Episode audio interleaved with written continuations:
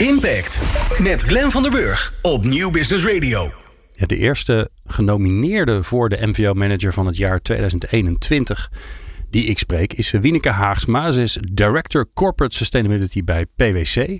En ik heb even opgezocht wat de jury over haar zegt. Nou, daar komt hij hoor. Met grote gedrevenheid en enthousiasme heeft Wieneke duurzaamheid op de kaart gezet bij PwC. Ze heeft veel voor elkaar gekregen in de verduurzaming van PwC zelf. Er is beleid opgeformuleerd met duidelijke KPI's. En daarnaast is er een duidelijke progressie in de aandacht van duurzaamheid en ESG in het specifiek bij het klantwerk. Dat is natuurlijk weer een hele nieuwe, nieuwe wereld en een nieuwe business ook eh, voor PwC. Maar daar hebben we het vast straks nog wel even over. En Wieneke treedt ook veel naar buiten en is vertegenwoordigd in diverse belangenorganisaties. Dus ik ben heel blij dat ik eh, even met haar mag, mag spreken. Wieneke, leuk dat je er bent. Hartstikke leuk. Hi. Maar even beginnen bij het begin. Ehm, duurzaamheid is natuurlijk een fantastisch uh, containerthema, wat eigenlijk over alles gaat. Ehm, en uh, ja, een van de dingen die je volgens mij ook moet doen, is daar keuzes in maken. Dus als je naar PwC kijkt, wat zijn dan de belangrijkste thema's? En ongetwijfeld hebben jullie ze aan de SDG's uh, gehangen. dus wat zijn de belangrijkste voor PwC? Ja, wij hebben dat uh, inderdaad gedaan. En wij hebben een analyse gemaakt van de 17 uh, SDG's. En daar hebben we gezien dat we op 9 de meeste impact maken. Als je kijkt naar stakeholders en regio en onze organisatie, et cetera. En daarvan hebben we, kiezen we er elk jaar vier. Waar we dan vervolgens um, ook echt een ambitie opstellen in lijn met SDG's 2030, tussen KPI's, extra hè, doelstellingen op neerzetten. Uh, dus die zijn net uh, weer aangepast. Oké. Okay.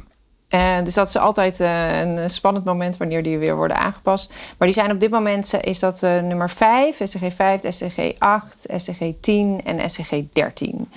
Um, ja, en dan voor iedereen die die dingen niet uit zijn hoofd weet, welke zijn het? dus dat is gender, ja. Uh, SDG 5, Gender Equality. Uh, 8 uh, is economische groei. Nummer 10 is ongelijkheid in de algemene zin. En 13 is klimaat. Oké. Okay. Maar dat, zijn dat dan weer andere dan, dan vorig jaar? Is, is, er, is er één afgevallen en is er één voor, een nieuwe voor teruggekomen? Nou, ze zijn allemaal dus in die negen waarvan wij zeggen die zijn het yeah. meest materieel. Hè? Dus wat betekent het meest belangrijk waar wij de grootste impact kunnen maken. Uh, maar er zit een nuanceverschil. Dus we hebben bijvoorbeeld, uh, nu zijn we van 12 naar 13 gegaan. Dus we hebben in eerste instantie meer rondom circulariteit gedaan. En hebben we daar ook een ambitie gezet. Uh, dus bijvoorbeeld om 100% circulair te zijn in 2030. Dat hebben we in 2017 gezet. En nu merken we dat hebben we toch echt nog een flinke slag nu willen maken richting net zero. En echt meer focus op onze CO2-uitstoot uh, verlagen. En dus zijn we richting SDG 13 gegaan. En um, we hebben nu ook meer focus neergelegd op gender equality. Omdat inequality hadden we überhaupt er al in staan. Uh, nummer 10, dus die is blijven staan. Um, maar we zien toch, als je kijkt naar Nederland hè, en ook onze organisatie, dat we toch ook nog echt stappen uh, te zetten hebben op specifiek gender equality. Dus nu heeft deze wat meer aandacht weer de komende jaren. Ja. Dus zo zie je lichte verschuivingen. Oké. Okay. En als je dan naar die, die vier kijkt, hè, want uh, we moeten ons natuurlijk ook beperken, want anders dan zijn we vier uur met elkaar aan het praten, wat ook leuk is. Maar um, welke impact willen jullie daar dan op bereiken? Dus wat heb je jezelf tot doel gesteld? Ja, we hebben bijvoorbeeld uh, als je SDG 13 pakt, hebben we ons als doel gesteld uh, global om uh, net zero te zijn in 2030. En in Nederland hebben we specifiek gezegd van we willen geen emissies uitstoten in 2030. Dus dat is een hele specifieke doelstelling die we ook extern hebben laten valideren. Mm-hmm. En waarbij we dan vervolgens natuurlijk denken, want dat is wat, wat wij proberen te doen, of wat, waar ik zelf ook heel erg sterk in geloof, van zet nou in lijn met de SDG's hè, uh, grote doelstellingen of ambities op 2030, maar pel die nou af naar heel dichtbij kleine acties. En, en implementaties die de voortgang hè, duwen. Ja. Dus een van de dingen die we in dit kader hebben gedaan, is bijvoorbeeld een interne CO2-prijs van 100 euro per CO2-ton geïmplementeerd. En dat bedrag gebruiken we dan vervolgens om uh, zoveel mogelijk reductie op onze CO2 te behalen. Ja, dus eigenlijk uh, halen jullie die extra comptabel naar binnen uh, in de boekhouding om ook te zorgen dat je daar dus andere keuzes in gaat maken. Ja, zeker. en het dus ook de agenda wordt van de CFO. Ja. dus dat daarmee, dat, dat vind ik heel belangrijk, dat, dat duurzaamheid en niet op de duurzaamheidsafdeling zit, maar de agenda wordt van de HR-director, van de CFO, van uh, de hele organisatie breed. Ja. ja. Ja, en dat is natuurlijk wel het interessante bij jullie, dat die, uh, die beweging, zeg maar, dat, hè, dat, dat berekenbaar, maar ook controleerbaar maken van de, doel, van de duurzaamheidsdoelstelling, is natuurlijk ook een hele nieuwe business geworden. Ja, die business die was er al wel. Dus het is ook niet zo dat dat. En nu is het natuurlijk frontpage hè, op de voorpagina van elke krant, bijna elke dag. Maar ja, die business was er al, alleen in veel ja, kleinere mate of mhm. ook nog wel eens geïsoleerd. En nu zie je dat dat veel, dat dat gelukkig, en dat heeft het ook nodig, want de urgentie is daar. Uh, die problemen zijn veel te groot. Maar nu zie je dus dat één, ja, de business groter wordt. Hè, dus er is meer vraag naar. De uh, wet en regelgeving ontwikkelt zich met de dag op dit thema. Uh, stakeholders willen, verwachtingen zijn ontzettend hoog. Dus ja, de, de business ontwikkelt zich snel en je ziet ook dat het breder gaat. Dus voorheen had je bijvoorbeeld dat je dan echt specifieke duurzaamheidsverslaglegging had. En nu heb je het integrated report. Dus, en, en die verschillen zie je eigenlijk overal. Of je het nou hebt over de supply chain of over ja, in elke hè, belastingadvies, de deals. Overal zie je dus dat die ESG of de, de, de milieu- en sociale parameters of doelstellingen meegenomen worden in het integraal beleid. Gelukkig. Ja. Ja. Welke rol speel jij daarin? Want enerzijds heb je natuurlijk de, de verduurzaming van, van PwC zelf, jullie eigen activiteiten. Ja. Uh, maar ik kan me voorstellen dat hè, de mega-impact impact zit natuurlijk bij wat jullie met je klanten, hè, de invloed die jullie op je klanten hebben. Welke rol speel jij in die, die combinatie van die twee eigenlijk? Ja, ja goede vraag.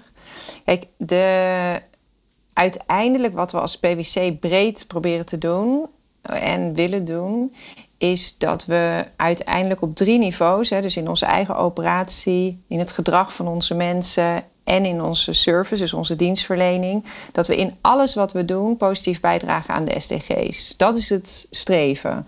En, en de afdeling die, die ik leid, hè, probeert op alle drie die niveaus um, dat ja, zo snel mogelijk voor elkaar te krijgen. Ja.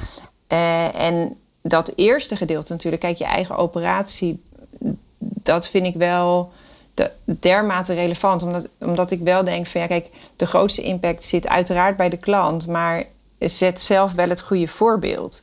En, ja, want anders ben je niet geloofwaardig. Nee, dan ben je niet geloofwaardig. En denk, dus daarom vind ik dat zo belangrijk om daar op al die SDG-thema's uh, proberen om daarvoor op te lopen, om dat als eerst zelf te implementeren. En zo werken wij dus heel nauw samen met de dienstverlening. Waarbij we bijvoorbeeld nu pakken we een thema als biodiversiteit op. Dat we dan kijken, ja, tuurlijk, wat kunnen we in onze eigen kantoren, wat kunnen we hè, zelf. Maar eh, belangrijker van welke methodologie kunnen wij ontwikkelen samen met de business om überhaupt te meten wat je impact is op biodiversiteit als grote uh, organisatie. En dat implementeren we dan als eerst voor onszelf. Dus uh, daarmee ja, ontwikkel je die methodologie verder. Daarmee zet je zelf een voorbeeld. Daarmee voel je ook wat het is om zelf natuurlijk die implementatie te doen. Mm -hmm. uh, en dat nemen we weer mee naar onze klanten. En daarmee is eigenlijk je eigen organisatie een, een proeftuin, een, ja. een eerste klantcase, uh, ja. om vervolgens daarmee naar buiten te gaan. Ja. ja. ja. Hoe zou je dan jouw afdeling typeren? En want, uh, nou ja, als je genomineerd bent als MVO-manager van het jaar, dan, uh, dan ben je natuurlijk ondertussen flink ontwikkeld. Uh, kom ook nog steeds MVO-managers tegen die uit het communicatievak komen, komen en die zich vooral bezighouden met het verslag en niet heel veel meer dan dat. Uh, ja. Maar ben je dan ondertussen innovatieclub geworden, kenniscentrum? Hoe zou je jezelf omschrijven, jouw, jouw team? Ja, ik vind het wel. Ik moet nu bij deze vraag direct denken aan, de, aan het boek wat onder andere Corolla, een van de eerdere winnaars van NPO Manager van het jaar, geschreven heeft. Ja. Uh, de zeven rollen van NPO. Omdat ik denk dat het niet zo. Er zitten verschillende rollen in, die, in het team. Hè? En ik denk dat die, soms ben je de, de innovator, soms ben je de verbinder, soms ben je de strateeg. Dus wij houden ons uh, bezig van dat wij bezig zijn bijvoorbeeld met onze hoofdstrategie bij PwC om te kijken van oké, hoe kunnen we de hele impact van onze strategie meten langs de lijnen van de SDG's en hoe integreren we dat in onze core-strategie. Totdat, ik, hè, totdat wij gesprekken hebben met degene die verantwoordelijk is voor het klantwerk op sustainability. Van hoe zorgen we ervoor dat we nou onze ervaringen hè, delen, zodat we het nog weer kunnen versnellen, die impact op de maatschappij. Tot zonnepanelen op het dak, waarbij je de expert bent en, en technisch expert, dus milieudeskundige. En wat je wel zou kunnen zeggen, wat ik sterk heb gezien in de. Nou, ik werk nu 13 jaar um, fulltime op dit vak. Dat is een enorme eer dat dat.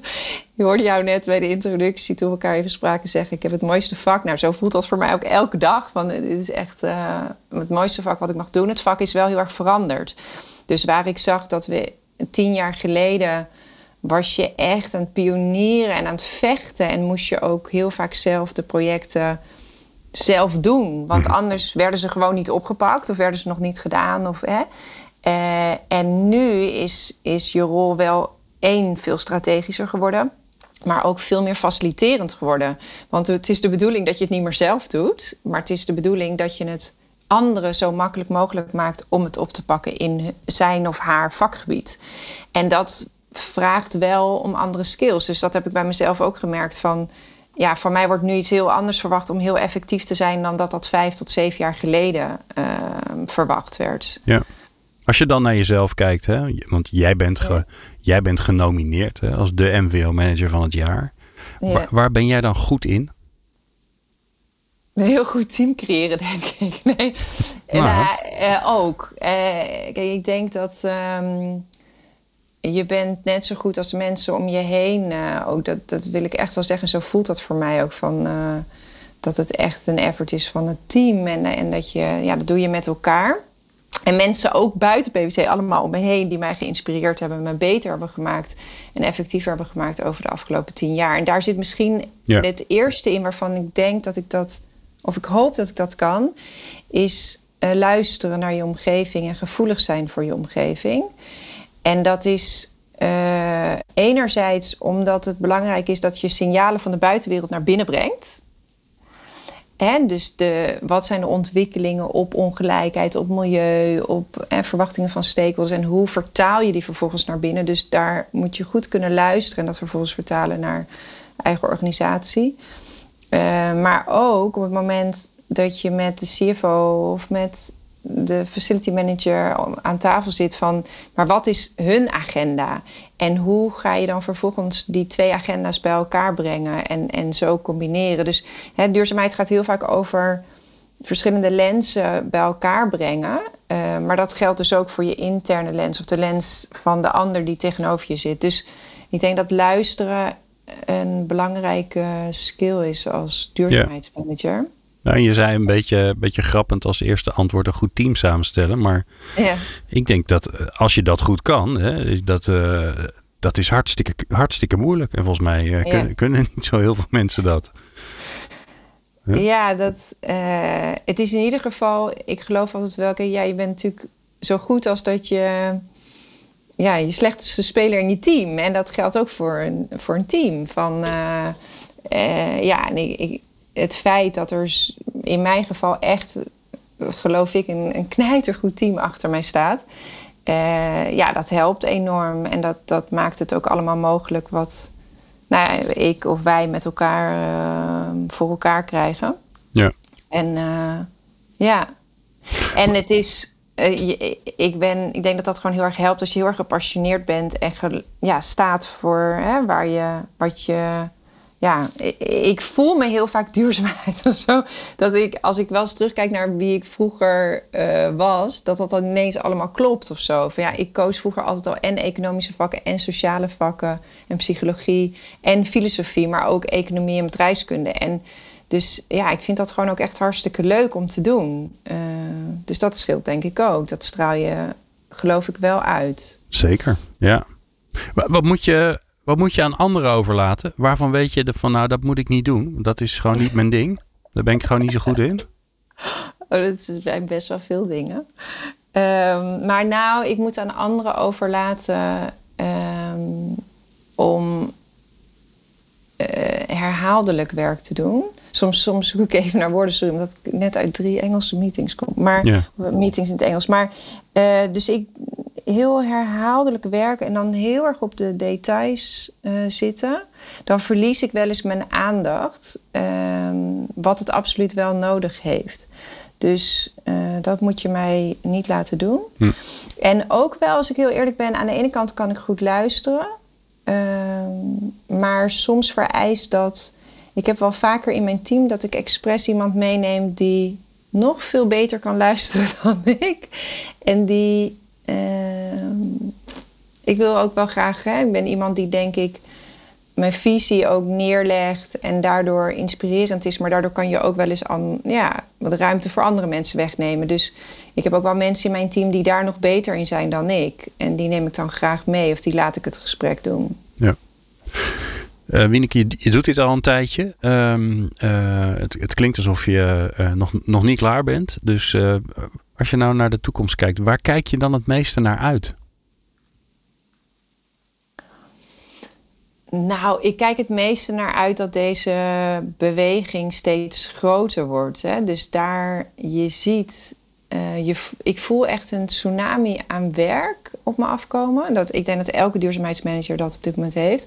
Maar ik voel ook een tsunami aan energie op me afkomen. En dat andere mensen uh, ja, hier heel hard mee aan de slag gaan. En, en wat ik merk is dat het vakgebied van duurzaamheid wordt beter, omdat nu de specialisten, in welk vakgebied dan ook, duurzaamheid uh, zelf gaan vertalen naar hun specifieke vakgebied. En daardoor wordt, wordt het beter. Daar kijk ik gewoon naar uit. Kijk, uh, ik ben geen uh, belastingexpert. ik ben geen, um, ja, geen retailer. Ik ben, maar nu gaan de retailers gaan ineens de ESG-aspecten of de SDG's vertalen in hun vakgebied. En daardoor wordt het zoveel, uh, zoveel beter. En ik hou gewoon wel van ja, kwaliteit en, en dat het snel gaat. Ook omdat het dat nodig heeft. We hebben nog maar tien jaar. Nou, nog minder. We hebben nog... Ja, uh, bijna acht hè, is het Praktisch negen, ja. ja. precies.